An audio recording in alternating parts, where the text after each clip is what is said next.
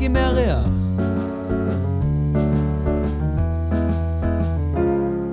קודם כל, אני אספר על התיקון לחוק, על תיקון 6, ולא רק זה, אלא בעקבות תיקון 6 נחקקו הנחיות למעסיקים בעקבות תיקון 6 לחוק שכר שווה לעובדת ולעובד, מתשנ"ו 1996, וההנחיות הללו קיבלו נוסח חדש באפריל 23, והנוסח החדש הזה כולל גם זרקור לקידום שכר שווה, שמטיל אחריות גם על הדירקטורים לדאוג לנושא הזה. לכן הנושא הזה הולך ונהיה רלוונטי יותר ויותר לכל המסלול של חובת הזהירות של הדירקטורים. חובת הזהירות של הדירקטורים כוללת כמובן את החובה של הדירקטורים והדירקטוריות כמובן לדון בנושאי החקיקה שמטילים חובות על המעסיק ואולי גם על הדירקטורים. אז ככה, נתחיל קודם כל מהתיקון ומהרציונל שלו. אפליית נשים בשכר עבודה היא בעצם אחד הביטויים הכי, הכי נפוצים, הכי שגרתיים של אפליית נשים בשוק העבודה. וכדי להשוות את השכר של נשים וגברים, או כדי להכניס את השכר של נשים למסלול של אפשרויות של שוויון, נחקק חוק שכר שווה לעובדת ולעובד בשנת 1996, והחוק הזה בסעיף אחד אומר שמטרתו לקדם שוויון ולמנוע אפליה בין המינים בכל הנוגע לשכר או לכל גמול אחר בקשר לעבודה. אוקיי, בסדר. עכשיו, בית הדין לעבודה גם התייחס לנושא הזה, למשל בפסק הדין עיריית ירושלים נגד גלית קידר. מדובר בה ובעוד עובדת באגף התברואה, שהם הגישו תביעה על בסיס החוק הזה, ואמרו שהתגלה להם שבעצם הן המעמד שלהם הוא מבחינת שכר מופלה, הן מקבלות שכר יותר נמוך מהשכר של הגברים. ובשורה התחתונה הם זכו וקבעו, בית הדין הארצי לעבודה קבע שמגיע להם פיצויים וצריך להשוות את שכרם לשכר הגברים. כאשר בית הדין לעבודה אמר, חוק שכר שווה נחקק מתוך מטרה לשרש את האפליה המבנית וההיסטורית של נשים כפי שהיא הוכרה על ידי המחוקק. אבל מה הפואנטה? הפואנטה היא שבעצם כדי להגיע לשכר השווה, הנשים, מה היו צריכות לעשות? לתבוע.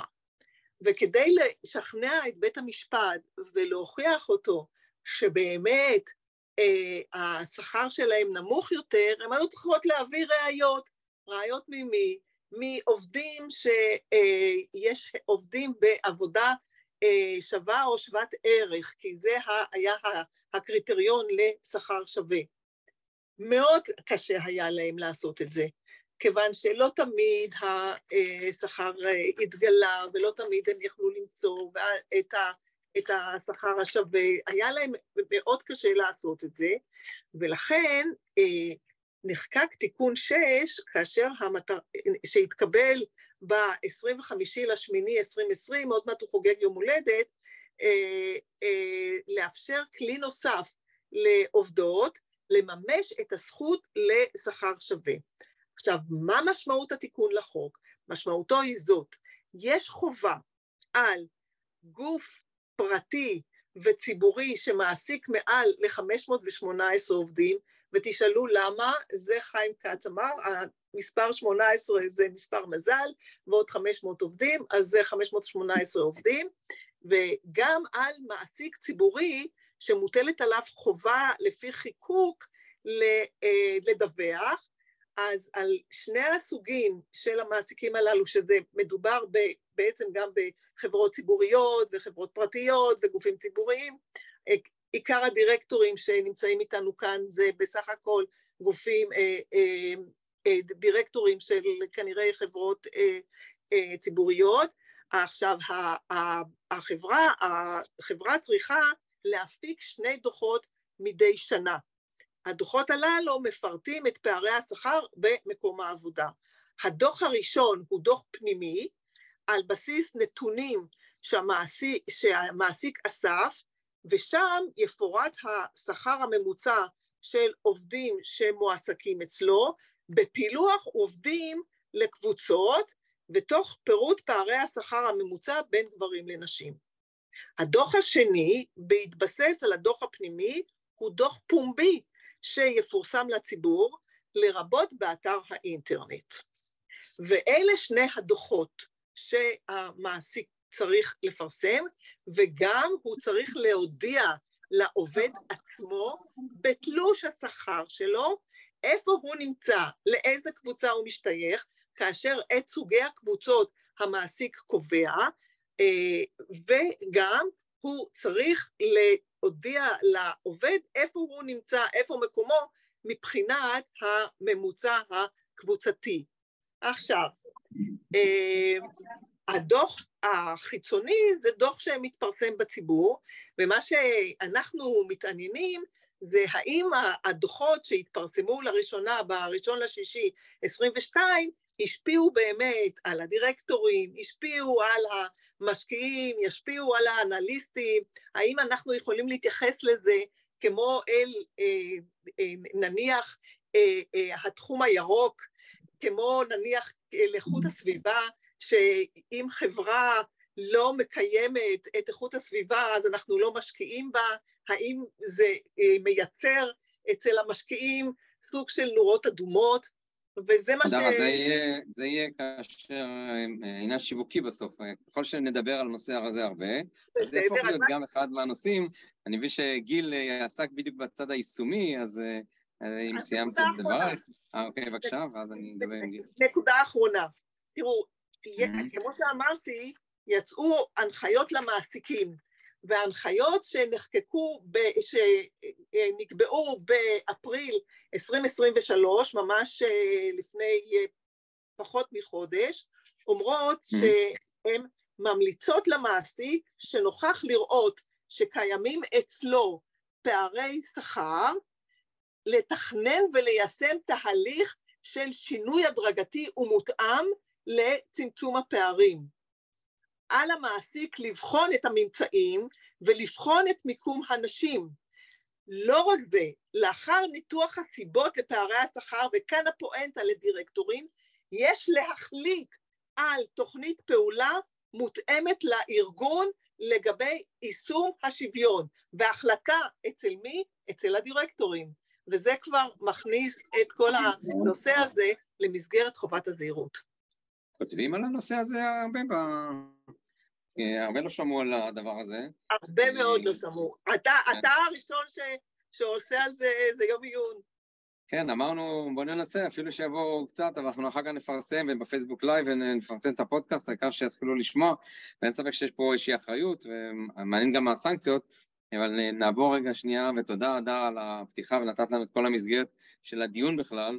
אה, וגיל, אני מבין שאתה ככה מכיר קצת את הנושא הזה, הצד היישומי, אם תוכל אה, לומר לנו מה ניתן ללמוד מהספרות המקצועית לגבי יישום חוק שכר שווה, על תפקודם של העובדים שנחשפו לכך, ששכרם נמוך, שכרם גבוה ביחס לאחרים, כי הרי בסוף הכל אה, עניין יחסי בחיים, וראינו איך שכר, למשל, של רואה חשבון שהתחיל להיות מפורסם, אז כל הזמן הוא נשחק, כי אמרו חברות, תראו, שמה משלמים פחות, אז בואו נוריד. ועכשיו מבטלים את ההודעה הזו בגלל, אה, ההוראה הזו, בגלל שזה מתחיל לעשות אה, לא משהו. אז אה, אצלך, גיל, איך אתה ראית את זה בשטח? כן, אז זהו, אז קודם כל אני חושב שזה נושא מאוד מעניין, שכבר חוקרים אותו בעולם, דרך אגב, כמה שנים, כי לדוגמה בדנמרק, החוק התחיל כבר, התפרסם, ב, יצא לאור בעצם החוק הזה בשנת 2006-2007, ומשם כבר הלאה עשו הרבה מאוד מה שנקרא בדיקות, לראות את התוצאות. אז אה, כן, נשאלת השאלה אם החוק הזה הוא יעיל או לא יעיל ואיך הוא אמור להשפיע, כי בסופו של דבר אתה בא וחושף משהו שהוא מאוד מהותי ורגיש אצלנו, כל אחד רגיש בהקשר של השכר שלו וכל אחד חשוב לו מאוד אה, לדעת ולהשוות ו... ואני מניח שאתה מוצא שיש איזו אפליה או קיפוח אז אתה גם מגלה איזה מרמור, זה גם מה שמראים בעצם במחקרים. אז המחקרים בעצם מגלים כמה בעיות בהקשר של שקיפות השכר.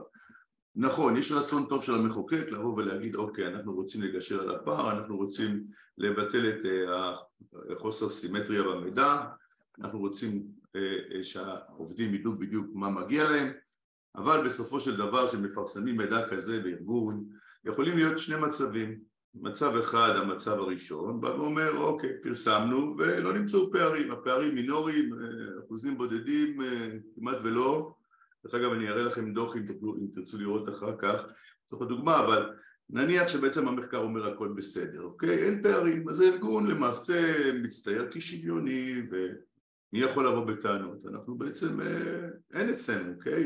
אני כבר לא מדבר על המתודולוגיה שהיא מאוד מורכבת, לסווג עובדים לקבוצות שעובד בעצם מוגדר כעובד שמבצע את אותה עבודה או שוות ערך. מה זה אותה עבודה או שוות ערך אני אדבר אחר כך, אבל בוא נניח ש... נחשפו התוצאות בפומבי ומסתבר שאין הבדל אז לכאורה זה מצוין, לא? אז מדובר בארגון ערכי שאין בו פערים ואין בו אפליה ולמעשה אה, הכל, הכל בסדר, אבל לא. דווקא גם פה אנחנו בעצם מצאנו את הבעיה, כלומר מחקרים מצביעים שגם במקרה כזה שאין פערים אז יש בעיה, ומהי בעצם הבעיה שאין פערים? הבעיה היא שעובדים שמרגישים שהם יותר טובים מאחרים בקבוצה, כן? אבל למעשה השכר שלהם הוא זהה לאחרים בקבוצה, אז הם אה, בעצם מבינים שהם משקיעים הרבה יותר ומתאמצים, אבל אין לזה באמת פיצוי אמיתי כי עובדה, נחשפנו, ראינו, שכרנו זה לאחרים שמשקיעים הרבה פחות, הולכים הביתה לפני, אולי ישר איך, ש... איך אומרים, שעון הזמן אה, מסיים.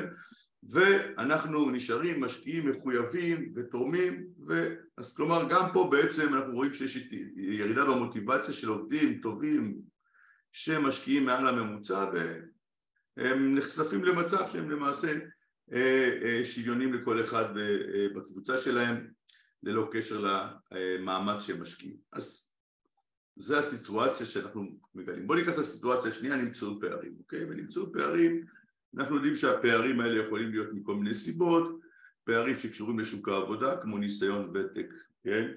השכלה וכך הלאה, שנשים, כן? בעיקרון, באופן מובנה, כן? עוסקות בדרך כלל בעבודות בית או עבודות שהן בעצם אה, לא בתשלום ולכן תוך כדי הקריירה הן צוברות פחות ניסיון, יותר הפסקות בעבודה, יותר קשה להן להתקדם. וגם פה בעצם יש את היכולת להסביר חלק מה, מהשונות דרך אה, משתנים שהם אה, לא זהים לחלוטין בשוק העבודה. אבל אנחנו במחקר מחפשים דווקא לזהות ולנתח את השפעת השונות שאינה מוסברת על ידי שוק העבודה. כלומר בעצם אפליה על בסיס תדמיתי כזה או אחר או אה, סוג של התניה מובנית בשלבי הגיוס של העובדים אנחנו קוראים לזה בעצם אפליה. ופה נניח שנמצאו עובדי, אפליה, נמצאה אפליה, מה המחקרים אומרים? המחקרים בעצם מצביעים על כך שעובד, כן, עובד טוב, או, או לפחות עובד שחושב שמגיע לו, כלומר יש פה גם המון אה, מה שנקרא אה, סובייקטיביות בהערכה, חושב שמגיע לו יותר, אבל הוא, כן, אה, שכרו היחסי ביחס לאותה קבוצת השוואה נמוך יותר, כמובן שהוא יגיע לידי מרמור וירידה בפרודקטיביות. דרך אגב, ירידה בפרודקטיביות התגלתה ברמה ארגונית בארגונים שחקרו אותם, לדוגמה בדנמרק לאורך תקופה וראו בעצם שיש ירידה בתפוקה, יש ירידה בפריון כתוצאה מיישום החוק, שזו בעצם השפעה בהחלט אה, שלילית שאנחנו רואים. מנגד, אנחנו רואים את העובדים הטובים, שפתאום מגלים שהם מצוינים בקבוצה וגם שכרם יותר טוב, אוקיי? או אתה יודע מה, עובדים בינוניים שמגלים ששכרם יותר טוב, מה זה אמור לעשות? איזה השפעה אמורה להיות לעובד בינוני שפתאום מגלה ששכרו מעל הממוצע הקבוצתי כלומר אפילו מופתע לטובה נקרא לזה. מגיע האפקט החיובי, דווקא הוא יעבוד יותר קשה ויוכיח את עצמו על מנת בעצם להראות שהוא זכאי לאותה, לאותו תגמול עודף, או נקרא לזה בעצם אה, אה, אותו בונוס או הוא בעצם יחזיר לאותו מעסיק את ה... את ה... את התודה שלו בדרך זו שהוא בעצם יגביר את המאמצים. כלומר, יש פה גם קבוצה שתגביר מאמצים, יש פה קבוצה שתפחית מאמצים, אז למעשה אנחנו רואים שהשקיפות גורמת לשינוי בתפיסה של עובדים. עכשיו, אנחנו גם רואים כל מיני מחקרים שבאים ואומרים דבר כזה, אוקיי, אז איך זה אמור להשפיע על שורת הרווח? אנחנו הרי בעצם מדברים על משקיעים, ומשקיע, בסופו של דבר מה שחשוב לו זה לבחון את התפקוד ולנסות להבין מה יהיה התפקוד העתידי, איך יושפע התפקוד העתידי על הביצועים הפיננסיים וכמובן הוא ישקלל את זה כבר ולצורך העניין אנחנו נוכל לראות אם אנחנו נבחן מניות של חברות שפרסמו אם הייתה איזו תשואה עודפת שלילית או חיובית באותה תקופת זמן נתונה לאור הפרסום אני מניח שהמשקיעים מנסים לשקלל את הדבר הזה. עד כמה הם מבינים כעת את המשמעויות אני לא יודע להגיד ופה בגלל זה אנחנו גם עושים את המחקר ואנחנו מבינים ש ההיבטים החיוביים והשליליים בעצם שניהם קיימים. מצד אחד היבטים חייבים של ערכיות, שוויון, חשיפה, שקיפות ואנחנו יודעים, ש... יודעים שזה חלק מערכי ליבה של חברות מודרניות שמש... שלפחות שקיפות השכר ויצירת שוויון אני יודע שזה ערכים מאוד משמעותיים מצד שני מה קורה עם אותם עובדים שפתאום גילו שהם מקופחים אוקיי? והם מחליטים שהם עובדים פחות, משקיעים פחות, אה, אה, המוטיבציה שלהם בעצם יורדת וככה, יש לזה השפעה. דרך אגב, אנחנו גם ראינו בספרות דבר מאוד מעניין שבא ואומר אוקיי, זה לא רק שהעובדים, כן, שזיהו את עצמם כמקופחים, עובדים פחות טוב כרגע, אלא גם העמיתים שלהם לעבודה שמזהים שהם מקופחים, כלומר בעצם הקיפוח הזה והמרמור עובר מאחד לשני, הרי שיחת הצהריים והבוקר והערב ובסוף היום, מעבירים את זה הלאה לעובדים נוספים ומכרים הצליחו לזהות שהמרמור הזה עובר גם לעובדים אחרים שאינם אה, מקופחים וגם הם מפחיתים מהפרודקטיביות של עצמם, כלומר בעצם יש לזה גם השפעה מתגלגלת על שאר העובדים כי הם אומרים רגע המעסיק הזה הוא, הוא, הוא כנראה לא מספיק אה, אה, אה, שוויוני, או כלומר הוא בעצם יוצר פה פערים שאינם מוצדקים והוא פוגע לנו בעמיתים אז אנחנו, אז זה עובר הלאה, אוקיי? וזה עובר הלאה עד כדי כך שיש השפעה של ירידה. מנגד כאשר אנחנו רואים במחקרים שכאשר אותם מעסיקים למעשה אה, חושפים, כן?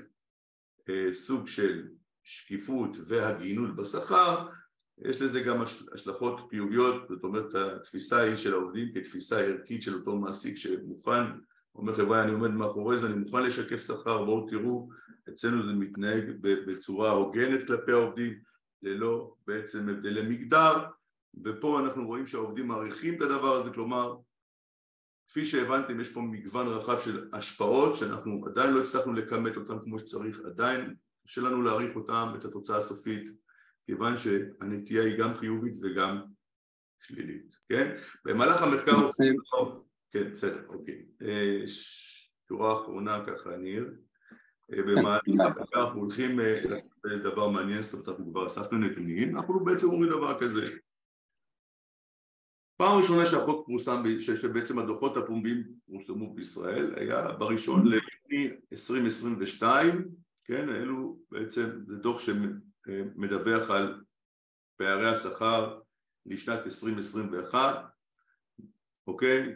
הדדליין בעצם, התאריך האחרון היה לפרסם את הדוחות עד לראשון ליוני ובאמת חברות אה, פרסמו, אנחנו בעצם בחנו חברות אה, שנסחרות, חברות ציבוריות שנסחרות במדד תל אביב 125, חברות הגדולות ביותר אה, במשק הישראלי וניסינו בעצם אה, לראות האם באותה תקופה, כן, של הפרסום, כלומר אותו מקטע זמן של עשרה ימים ממועד הפרסום, הייתה איזו תגובה בשוק שמשקיעים, כן, אה, אנחנו קוראים לזה בעצם תשואה עודפת חיובית או שלילית בעצם ביחס, ל, ביחס לשוק. רצינו לראות בעצם איך השוק מגיב, כלומר השוק זה בעצם המניות של אותן חברות שפרסמו דוחות מיד לאחר הפרסום, הרי ברגע שאתה מפרסם אתה חושף משהו חדש, נכון?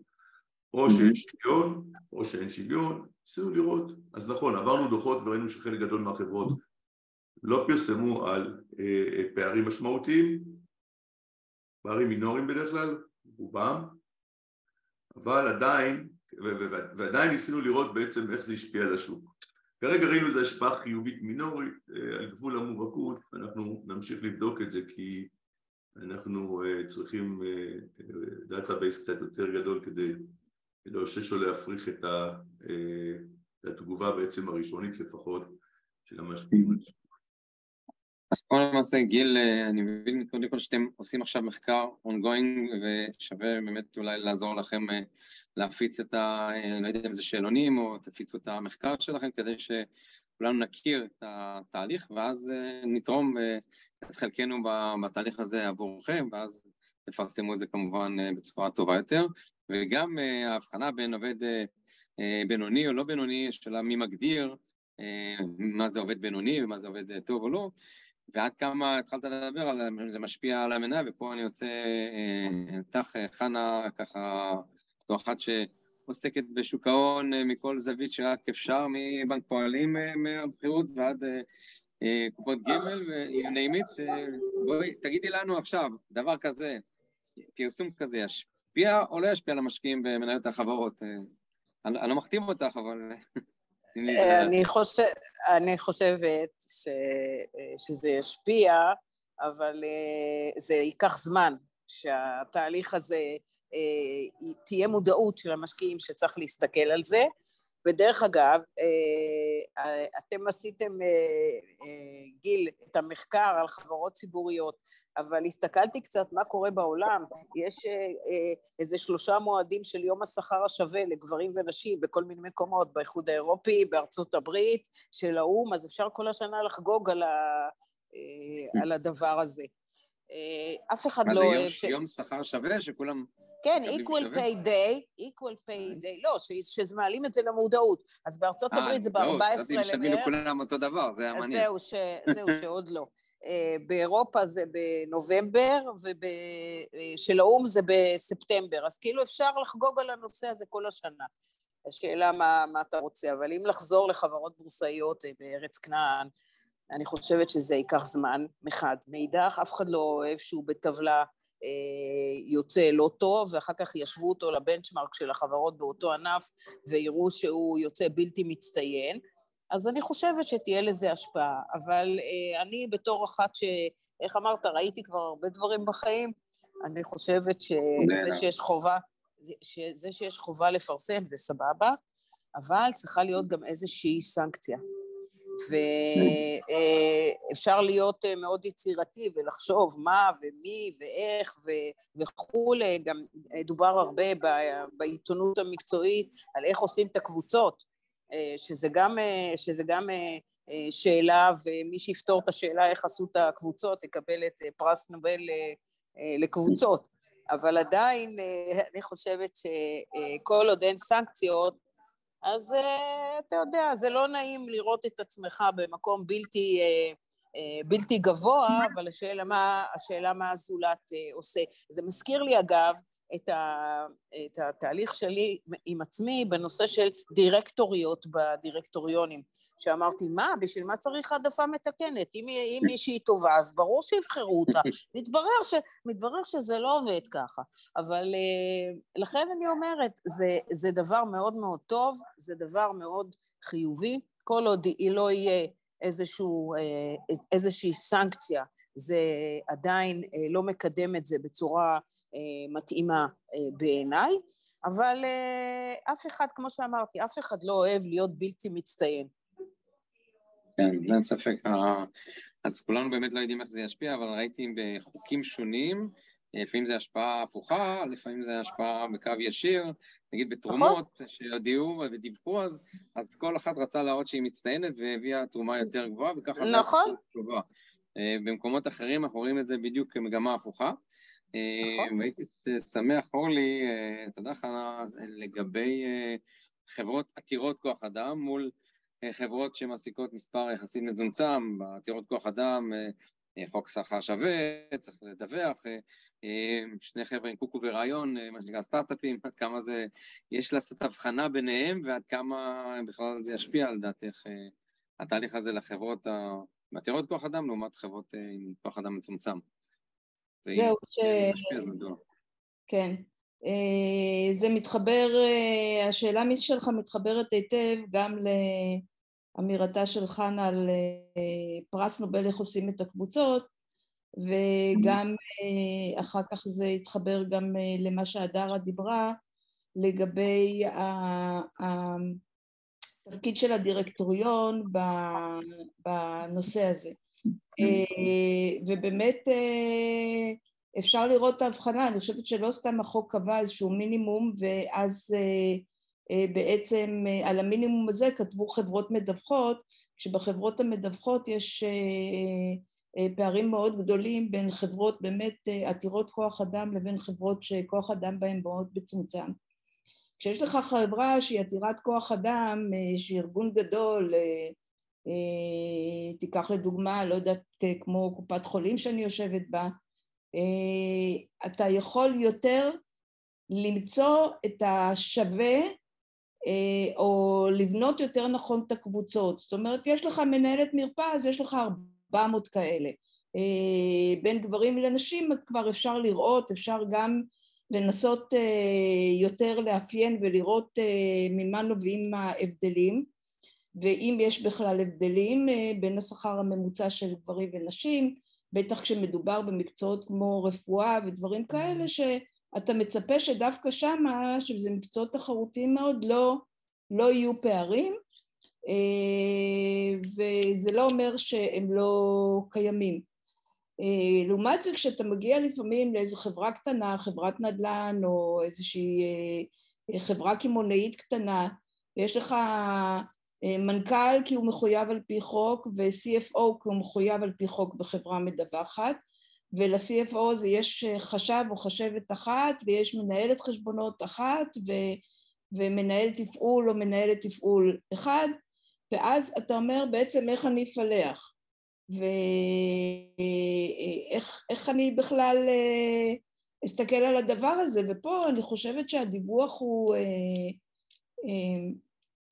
גם אם אפשר היה להתמודד איתו, אני לא בטוחה שזה בכלל יש בו אה, טעם, אה, בגלל שאין למה להשוות, אלא אם כן במשך הזמן הצטברו איזה שהם נתונים בין הרבה מאוד חברות שיש בהם נניח בין עשרה לעשרים עובדים, אה, שאתה יכול לבוא ולהגיד, אבל זה כבר יש לנו, את השכר בכירים אה, יש לנו, אז המרכיב של העובדים האחרים הוא, הוא אה, פחות או יותר משתרשר או, או, או או נגזר מהשכר של המנכ"ל וסמנכ"ל כספים, CFO, שעליהם יש לנו בנצ'מרקים אה, והכל ידוע והכל מפורסם. אז אני לא בטוחה בנושא של האפקטיביות של ההוראה הזאת לגבי כל מיני סוגי ארגונים, ואולי גיל באיזשהו אה, שלב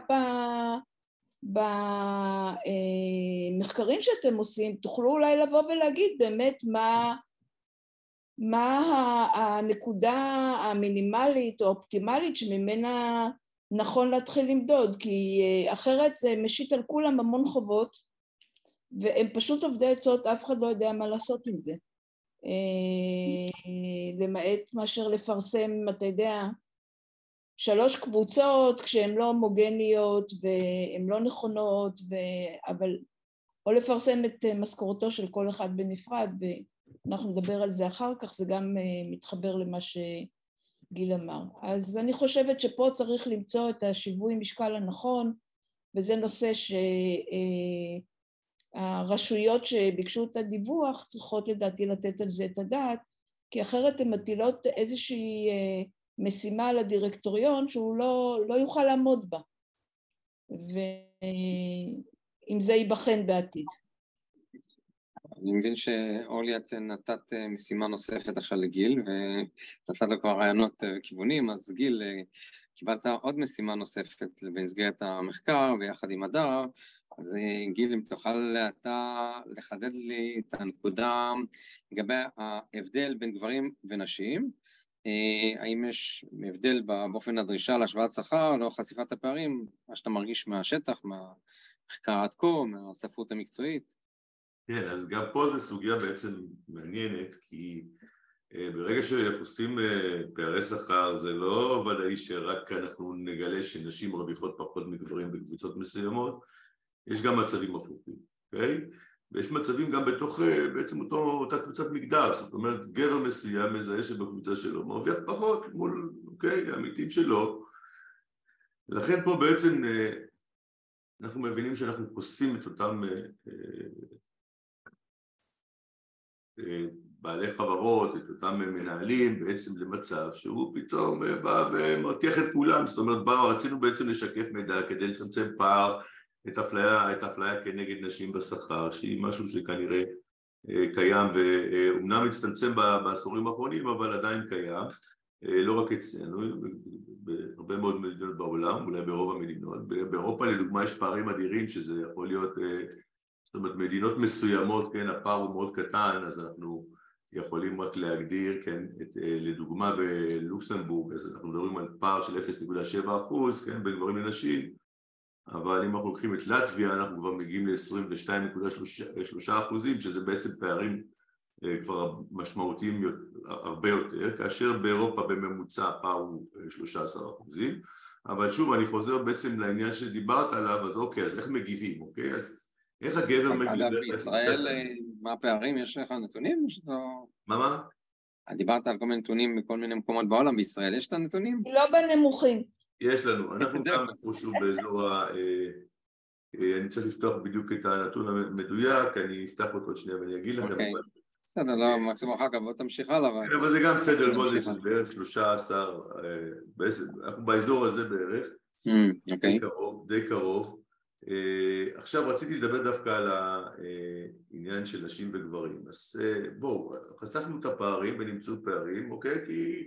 ואז בעצם המטרה של החוק היא לבוא ולהגיד אם נמצא פער אז העובד יכול להיות עכשיו הרבה יותר אקטיבי. לבוא להגיד חבר'ה יש לי פה ממש עדות לכך שבעצם אני מקופח ואז אני דורש שוויון.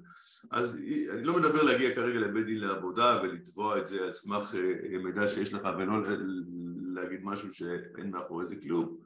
אבל אוקיי אז בואו נניח שנחשפו הפערים ועכשיו מגיעים גבר ואישה, ברור לכם שבעצם האסרטיביות של, של הגברים היא הרבה יותר משמעותית בהקשר הזה של לדרוש פיצוי או לצמצם פערי שכר לעומת נשים. מאיפה, מאיפה הבאת את הנתון הזה?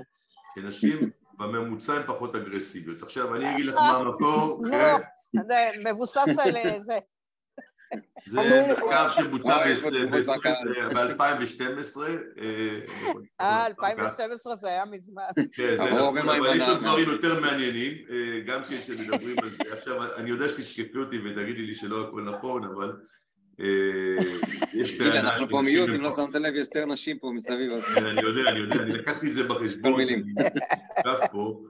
אבל אני רוצה להגיד שיש גם מחקרים שמפרסמים, זה לא אני דרך אגב, זה המחקרים שאומרים שנשים הן פחות, יותר שונאות סיכון, כלומר בעצם האתגר של לבוא ולעמוד מול המעביד ולהגיד לו תשמע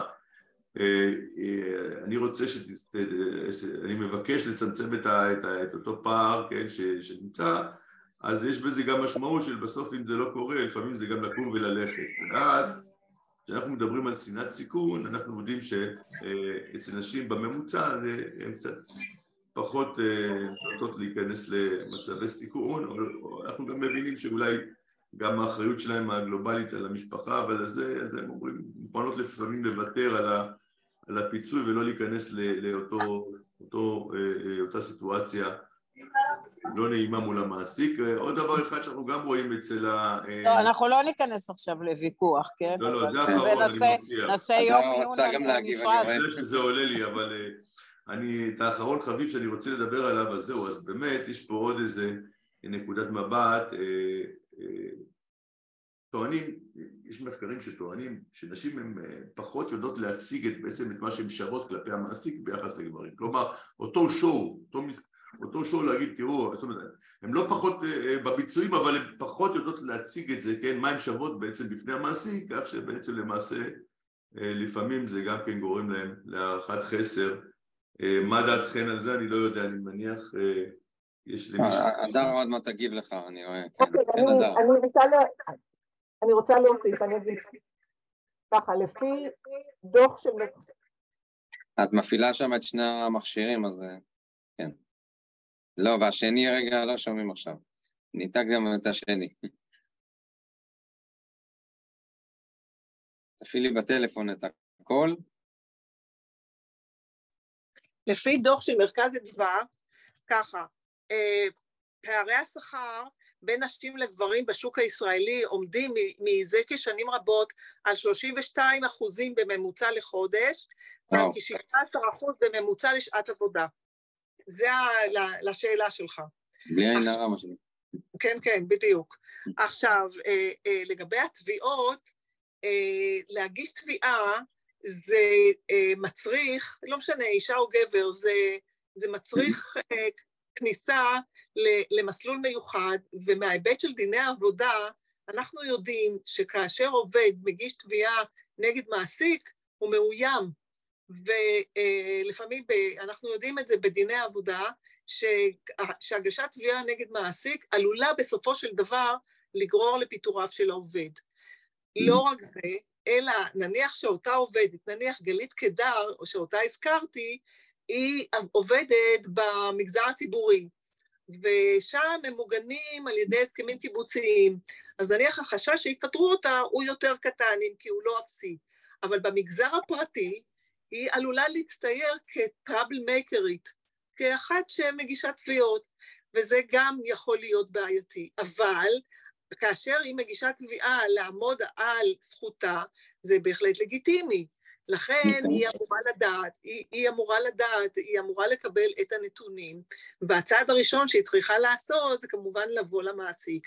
ובשביל זה, כתוצאה מכל הבעייתיות של הגשת התביעות, יש לנו עכשיו בהוראות את, ה, אה, את המסלול החדש, את ההנחיה החדשה, שהמעסיק צריך לעשות תוכנית, אני הייתי קוראת לזה סוג של תוכנית אכיפה, compliance program, איך אנחנו מביאים את השכר לשוויון. יש לי פה רק שאלה אחת שאני רוצה לפתור לעצמי, אולי אני אשאל את חנה ואת אורלי ואת, ואת כל האחרים. האם זה לא, איך, איך זה עלול להשפיע?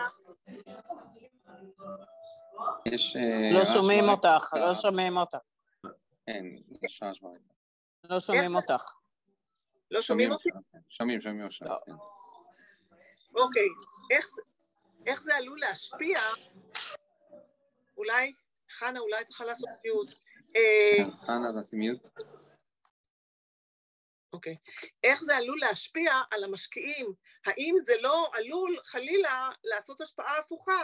אם יגידו, אה, עכשיו עולים, הולכים להעלות את השכר לעובדות, אולי זה יקטין את ההכנסות.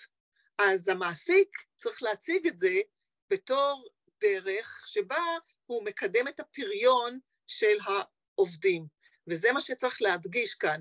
מעניין אותי, מעניין אותי האם המשקיעים יושפעו מזה ואיך. אז... אה, לדעתי המשקיעים לא היו רוצים לראות את זה to begin with, שיש אפליה בין uh, גברים ונשים. אז uh, אם, אם תהיה תוכנית אכיפה, אני, לי עושה רושם, שוב, אני לא אובייקטיבית, אבל uh, יש לי הרבה ניסיון, אני חושבת שהם יראו את זה בתור צעד חיובי ולא בתור צעד שלילי. הם רואים את ה-starting point בתור uh, משהו שלילי, שיש אפליה, ואם האפליה תיסגר, אני חושבת שהם ייקחו את זה כמשהו חיובי. חנה, איך את חושבת שהעובדים לדעתך יגיבו? דיברת בצד של המשקיעים, אני הייתי בצד של העובדים לדעתך. תראה, אני גדלתי בבית ספר מסוים שאתה הזכרת אותו, ששכר שם שווה לנשים וגברים. אז אה, אה, באותם תפקידים, נשים וגברים אה, מקבלים אותו דבר. אז זאת אומרת, נכון. במקומות שזה לא קיים, אם תהיה תוכנית אכיפה, אני חושבת שזה יתקבל בצורה סופר חיובית על ידי העובדים והעובדות. אוקיי, okay, אז תודה. אורלי, אולי שאלה אחרונה אליי, ואחר כך למי שרוצה להגיב מהפאנליסטים וגם בקהל, איך אפשר לדווח באופן אפקטיבי, אבל לשמור על זכות הפרטיות. קצת מורכב. נכון, זה באמת אה, מורכב. קודם כל אני רוצה רק אה, להגיב בחצי משפט אה, למה שחנה אמרה. משקיעים אולי באמת זה יעניין אותם והם ירצו לראות שחברה עושה איזושהי תוכנית, אבל אנחנו שוכחים שלפחות בשוק שלנו רוב החברות הן עם בעלי שליטה ובעלי שליטה רוצים לראות שהשכר יורד ולא שהשכר מושווה. אז, ואז לכן אנחנו תלויים אם אנחנו בשוק של ביקוש או בשוק, בשוק של היצע של עובדים. ברגע שיש עלינו לחץ, אז רוב הסיכויים שנוכל לעשות תוכנית להשוות שכר בין גברים לנשים. ברגע שזה שוק של יש עודף עובדים, אז יותר קשה לצמצם את, ה, את הפער הזה, ו, וכמו ששמעת, גם אני זכרתי מספר של 30 אחוז, כן. והוא מספר עצום בארץ, והוא לא מוצדק בשום צורה שהיא, אני מניחה שאנחנו בתחתית הטבלה העולמית. עולם שלישי אנחנו. כן, כן, כן. אז עכשיו, איפה הבעיה? הבעיה היא איך אתה גם בתוך המקום הזה שומר בעצם על חיסיון או צנעת הפרט בזה שאתה לא מגלה את משכורתו. אנחנו יודעים שהמעסיק לא יכול, אלא אם כן החוק מחייב אותו, כמו בבעלי תפקידים, לא יכול לפרסם משכורות. ופה אנחנו שוב חוזרים לחברה קטנה, חברה גדולה. תאר לעצמך שיושבים שני אנשים בחברה של עשרים אנשים ובגלל קצת ניסיון או קצת דבר כזה הם נמצאות, נמצאים באותה קבוצה ואחד מרוויח יותר מהשנייה או הראשונה מרוויחה יותר מהשני זה, הם, הם מיד יכולים לגזור את השכר אחד של השני ובעצם המעסיק לא שמר על, ה, על איזושהי דיסקרטיות שהוא צריך לשמור שוב, בארגונים גדולים, ברגע שאתה חותך לקבוצות נכונות, אתה יכול אה, בעצם לא לגרום לזה שיש זיהוי של אנשים. ופה זה גם כן איזושהי דילמה שיהיה צריך אה, אה, להתמודד איתה בכל אה, חברה, זה אה, איך אנחנו בעצם אה, מגינים על הזכות של הפרט, ופה אין לי האמת תשובה טובה, אני יושבת גם הרבה בבית הדין לעבודה, אה, ו... אני לא יודעת מה באמת יהיה אפשר לעשות, ופה זה מחריף את ה... אה, ומאוד הטריד אותי מה שהדרה אמרה לגבי חובת הזהירות של הדירקטוריון, כי בעצם מכניסים אותו לפינה שהוא לא יכול לצאת ממנה. אה, הוא לא יכול לגלות, הוא לא יכול לא לגלות, ואני חושבת שפה זה ממש בעיה שצריך באמת גם ללכת שוב לרגולטור, שצריך לתת איזה שהם הנחיות או קווי בסיס במקומות האלה על מנת שבעצם בהנחיה אחת אתה לא תפר אה, זכויות של אנשים במקום אחר או חקיקה. אחרת, כן? אה, אוקיי. אה, אה, וצריך למצוא פה איזונים, אה, זה מאוד מאוד מאוד אה, מאוד קשה, זאת אומרת הדבר הכי קל זה שכל פעם יהיה לך קבוצה של בן אדם אחד, תמיד הוא יודע מה הוא מרוויח, אבל אז הוא או גבר או אישה וזהו. אין למה כן. להשוות. אבל אנחנו לא, אנחנו לא בעולם הזה, אז אה, אה, זה בהחלט התלבטות. אני ישבתי כבר כמה פעמים במקומות שמאוד מאוד אה, התלבטנו מה לעשות, וזה לא פשוט, זה לא פשוט, זה תמיד באיזושהי צורה... משהו פשוט בחיים. זה לא, אתה לא לגמרי שבע רצון, בוא נגיד, מה... איך שעשית את הדברים, אבל אה, אין לך גם ברירה אחרת. וזה okay, אוקיי, נקודה למחשבה. כן. לפני אה, סיום, אם יש אה, למישהו מהקהל אה, שאלות, כי אנחנו עומדים בזמנים תמיד בתוכנית הזו, אז יש לנו שלוש-ארבע דקות, אם יש למישהו שאלה, סוגיה. אם, אם לא, אז... אם אפשר, איפשהו קובץ כתוב של החוק הזה, שבעצם מסדיר כן, את כל הסוגיה הזאת. כן, תוכלי לשלוח, הדר או גיל? כולל, כולל כן. case study והפניה למחקרים, ככה בשביל לקרוא ולהעמיק, בכדי באמת. לא ללכת לאיבוד ולהיות סגור על הנושא. לכבוד הוא לנו להעביר את החומר ושתפיצו את זה וגם את המחקר אולי, אולי ביחד עם המחקר שאתם שולחים שאלונים אז תשלחו גם את החומר רקע, הדרה וגיל ונשמח מעולה, תודה, תודה על ה... זה תחום חשוב, תודה רבה לכם, תודה. ניר, אם אני יכולה עוד הערה, אני בהחלט אבל מסכימה. כן, הערה אחרונה, ונסכם, אה, כן. שהזמן יעשה את שלו, וככל mm. שיותר שנים, יותר דיווחים, אה, והציבור יתרגל לזה שהוא הולך ומחפש את הנתונים, סביר להניח שכן תהיה על זה השפעה. אני חושבת. שעדיין החקיקה היא חשובה, וזה חשוב להתחיל מאיזשהו מקום, גם אם הוא לא ברור, גם אם בהתחלה זה קצת אה, צולע, אבל. בסוף זה מתעצב וזה משפיע. אני רוצה... אין ספק... מה גיל? רציתי משפט אחד רק לסיכום, להתייחס למה שאת אמרת כרגע וגם קודם. אני רוצה להגיד שיש גם אה, השפעה דורית פה בעניין הזה, כלומר הדור הצעיר יותר, שאנחנו מדברים על דור המילניום, דור ה-Z, אנחנו רואים שהם הרבה יותר יודעים מה קורה מבחינת השכר ומוכנים לפני שהם מגיעים למעסיק אצלו.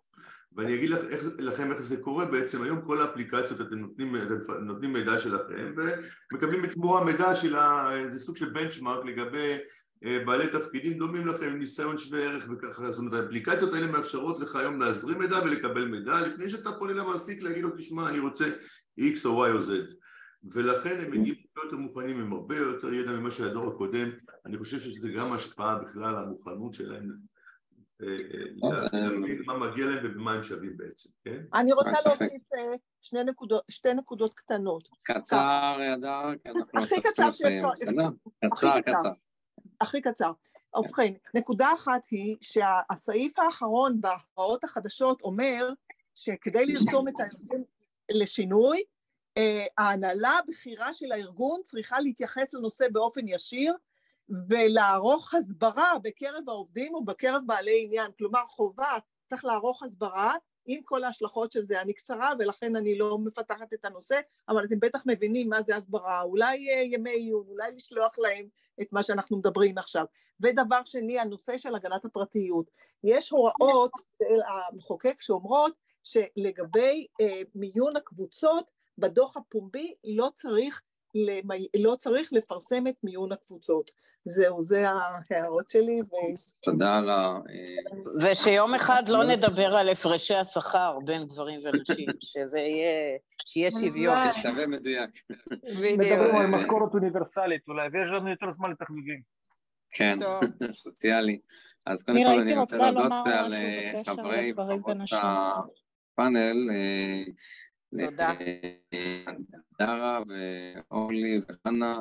וגם אה, גיל, אה, שהצגנו פה את המין הגברי, שנינו כאן, אה, ולקהל, בכל אופן אני, אתם תשמעו את זה גם בפודקאסט וזה יופץ וגם בפייסבוק לייב, ואנחנו נשתדל כמה שיותר לעשות בתהליך הזה עוד גל נוסף, גל ניפוס נוסף, כדי שישמעו על התהליך ועל המחקר שלכם כמובן. מישהי אמרה משהו? שמעתי או שאני... אוקיי, אז תודה רבה לכולם ו... תודה וערב נעים.